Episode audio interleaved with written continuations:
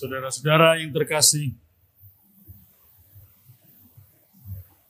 kita baru saja mengalami perayaan Paskah, sengsara dan wafat Tuhan kita Yesus Kristus. Sebagai suatu perayaan Paskah, pengalaman Paskah adalah pengalaman menghayati Dia yang telah menyerahkan diri dengan segala ketulusan hati untuk menanggung segala yang berat dalam hidup sampai wafat mati di kayu salib bagi kita. Dan oleh karenanya Tuhan kita Yesus Kristus yang telah kamu bunuh dibangkitkan oleh Bapa.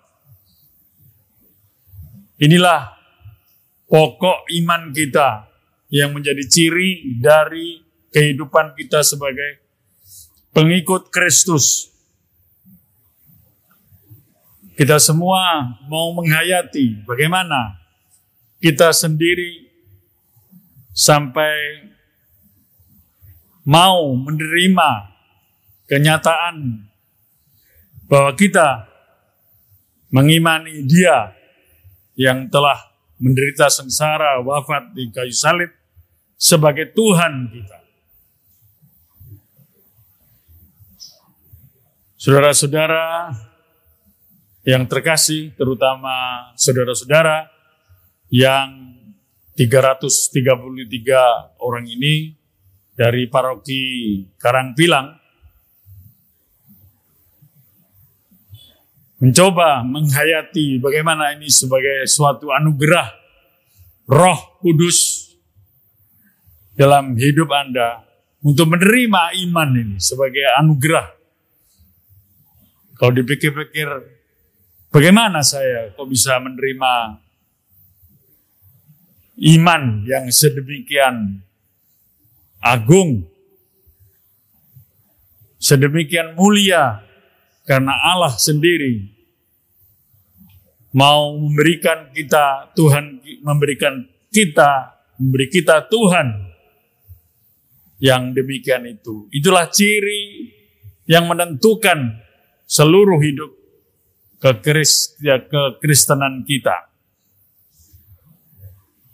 Anda telah dipersiapkan untuk menerima sakramen penguatan atau sakramen krisma atau sakramen kedewasaan iman Kristiani selama beberapa bulan offline atau online tapi tetap untuk menyegarkan kembali bagaimana misteri keselamatan itu nyata hadir dalam hidup Anda. Kembali disegarkan mengenai apa yang penting bagi penting dan perlu untuk kehidupan iman kita ini. Supaya imannya menjadi dewasa. Bukan lagi iman yang kerdil, kurang pengetahuan, kurang pengertian. Dengan demikian kurang kehendak, bimbang, ragu, Inilah karya Roh Kudus yang telah membuat Anda semakin dewasa. Dewasa itu mandiri, tangguh, tabah dalam penderitaan. Karena itulah yang menentukan bagaimana Roh Kudus sungguh berkarya kepada kita. Nanti Anda akan satu persatu akan menerima tanda karunia Roh Kudus. Anda menerima Roh Kudus pada waktu dibaptis. Dan ini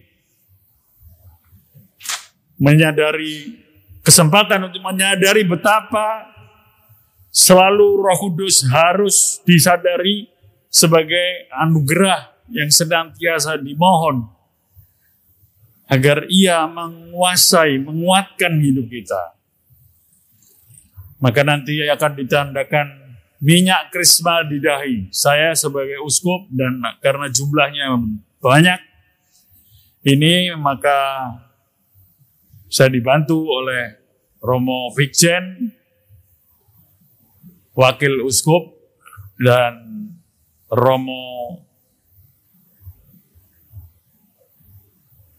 Agus Wibowo Vikep, Wakil Uskup juga untuk daerah Surabaya Barat. Satu persatu diterimakan tanda itu di dahi. Terimalah tanda karunia roh kudus.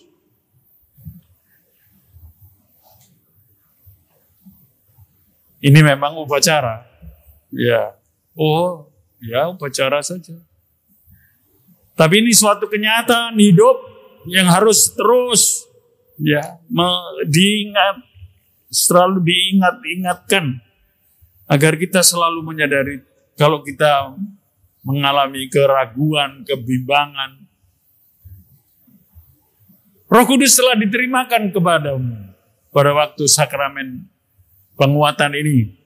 Sakramen yang menandakan terimalah karunia, karunia, anugerah. Ada macam-macam karunia, tapi ada tujuh yang kuat sekali, yang pengaruhnya besar. Roh pengertian, akal budi, roh keperkasaan, kekuatan, kemauan, roh akal budi, roh ibadat yang mau menyembah Tuhan, roh yang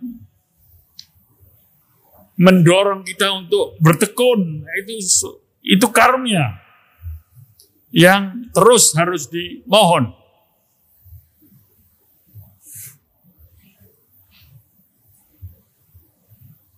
Akan datang saatnya bahwa Anda akan mengalami ya pencobaan, keraguan-raguan,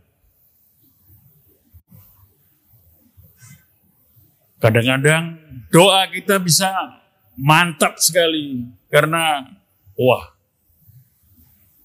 berdoa di gereja paroki Santo Yakobus. Waduh.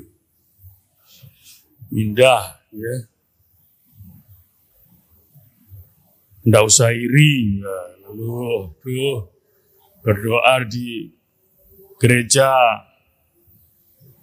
belum jadi, belum ah, masih dihambat terus ya di Santo Santo Yusuf.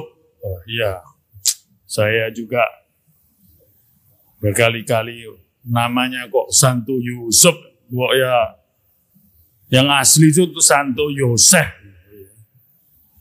Santo Yusuf, paroki Santo Yusuf Esa ucup. Bukan perkara hebatnya dunia. Bukan perkara kerennya roh kudus itu berkarya. Tapi perkara kesungguhan kasih Allah yang membawa Anda menjadi orang yang dewasa dalam iman. Mengenal Allah sebagai Bapa oh, itu suatu yang menjadi pokok iman kita. Bagaimana Tuhan Yesus mengajar kita, panggillah Allahmu sebagai Bapa. Bapa kami di surga. Itu kekuatan sederhana, doa sederhana. Kita pun juga diingatkan untuk bertumbuh dalam pengenalan akan Allah, pengertian akan Allah. Untuk menjalani hidup di dunia ini, kita didorong untuk ya mengalami Bapa yang menyelenggarakan hidup kita. Bukan sembarang hidup. Rezeki ada di rezeki kita itu Tuhan yang atur. Tidak. Kalau saya tanya, Rezeki ada di tangan Tuhan. Betul atau salah? Ya, ada yang menggeleng ya. Betulnya sedikit, salahnya banyak. Ya. Tidak ada di kitab suci, tidak ada dikatakan. Malah dalam Matius bab 7 ayat 7, ya paling tidak orang Katolik,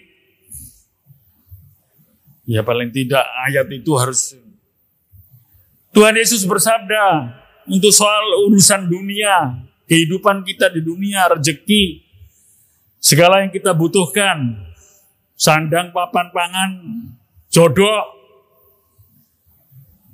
mintalah maka kamu akan diberi. Carilah maka kamu akan mendapat. Ketuklah maka pintu akan dibukakan bagimu. Bapak yang di dunia saja akan memberikan yang baik kepadamu. Apalagi Bapamu yang ada di surga. Rezeki memang harus kita minta Tuhan. Terutama dalam masa sulit ini, pandemi. Tapi harus kita usahakan Ya seberapa bisa kita berusaha untuk bekerja, mencari, paling tidak berminta. Kalau sudah kepepet, ketuklah maka pintu akan dibukakan bagimu. Ya, mohon dalam doa.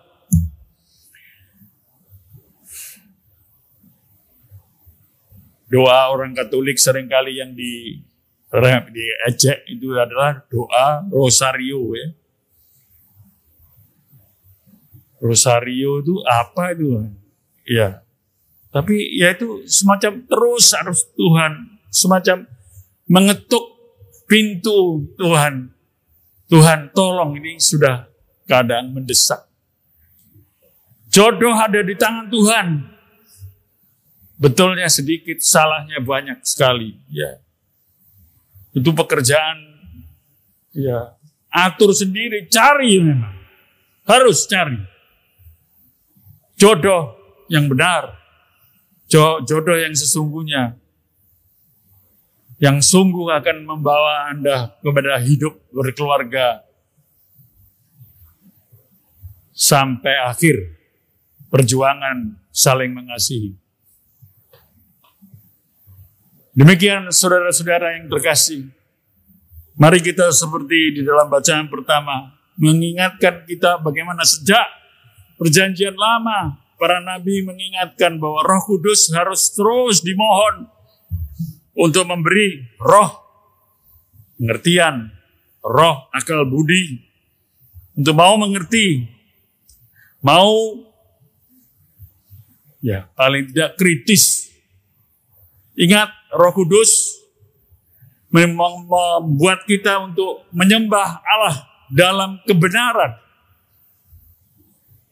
Dalam kebenaran hidup paling tidak tahu ini yang asli, ini yang palsu, ini yang nampaknya menarik tapi sebetulnya menipu dalam hidup. Dan ingat akan semua yang disampaikan oleh Tuhan Yesus dalam Injil hari ini. Delapan sabda bahagia sabda bahagia tentang jalan hidup orang yang mau menderita, mau menanggung yang sulit dan berat, karena kita mengikuti Tuhan kita Yesus Kristus yang bergantung di salib. Dan itu yang menjadi ciri kita. Orang boleh mengejek bagaimana Tuhan yang sudah disalib itu kita tetap Perlihatkan memang. Tapi itulah jalan hidup orang Kristen. Bukan masohis, cari penderitaan, enggak. Tapi semua yang sulit dan berat tidak akan sia-sia karena kita mau menanggung dalam kasih kita kepada Tuhan kita Yesus Kristus. Maka silahkan untuk mengerti bahwa hidup kita dicirikan oleh salib Tuhan kita Yesus Kristus. Setelah diterimakan minyak krisma di dahi, Anda akan ditepuk sedikit di pipi ya. Ya, ini untuk mengingatkan sadar atau bangun, melek, terbuka untuk mau menanggung segalanya yang berat dan sulit dalam hidup. Barang siapa mau mengikuti aku, hendaklah ia memanggul salibnya setiap hari dan mengikuti aku, menyangkal diri dan mengikuti aku. Maka saudara-saudara bertekunlah dalam hal kebenaran untuk mengikuti Tuhan Yesus Kristus ini. Untuk setia pada jalan kebenaran dan hidup kita ini yang dicirikan oleh iman akan dia yang menyelamatkan kita dengan salib. Amin.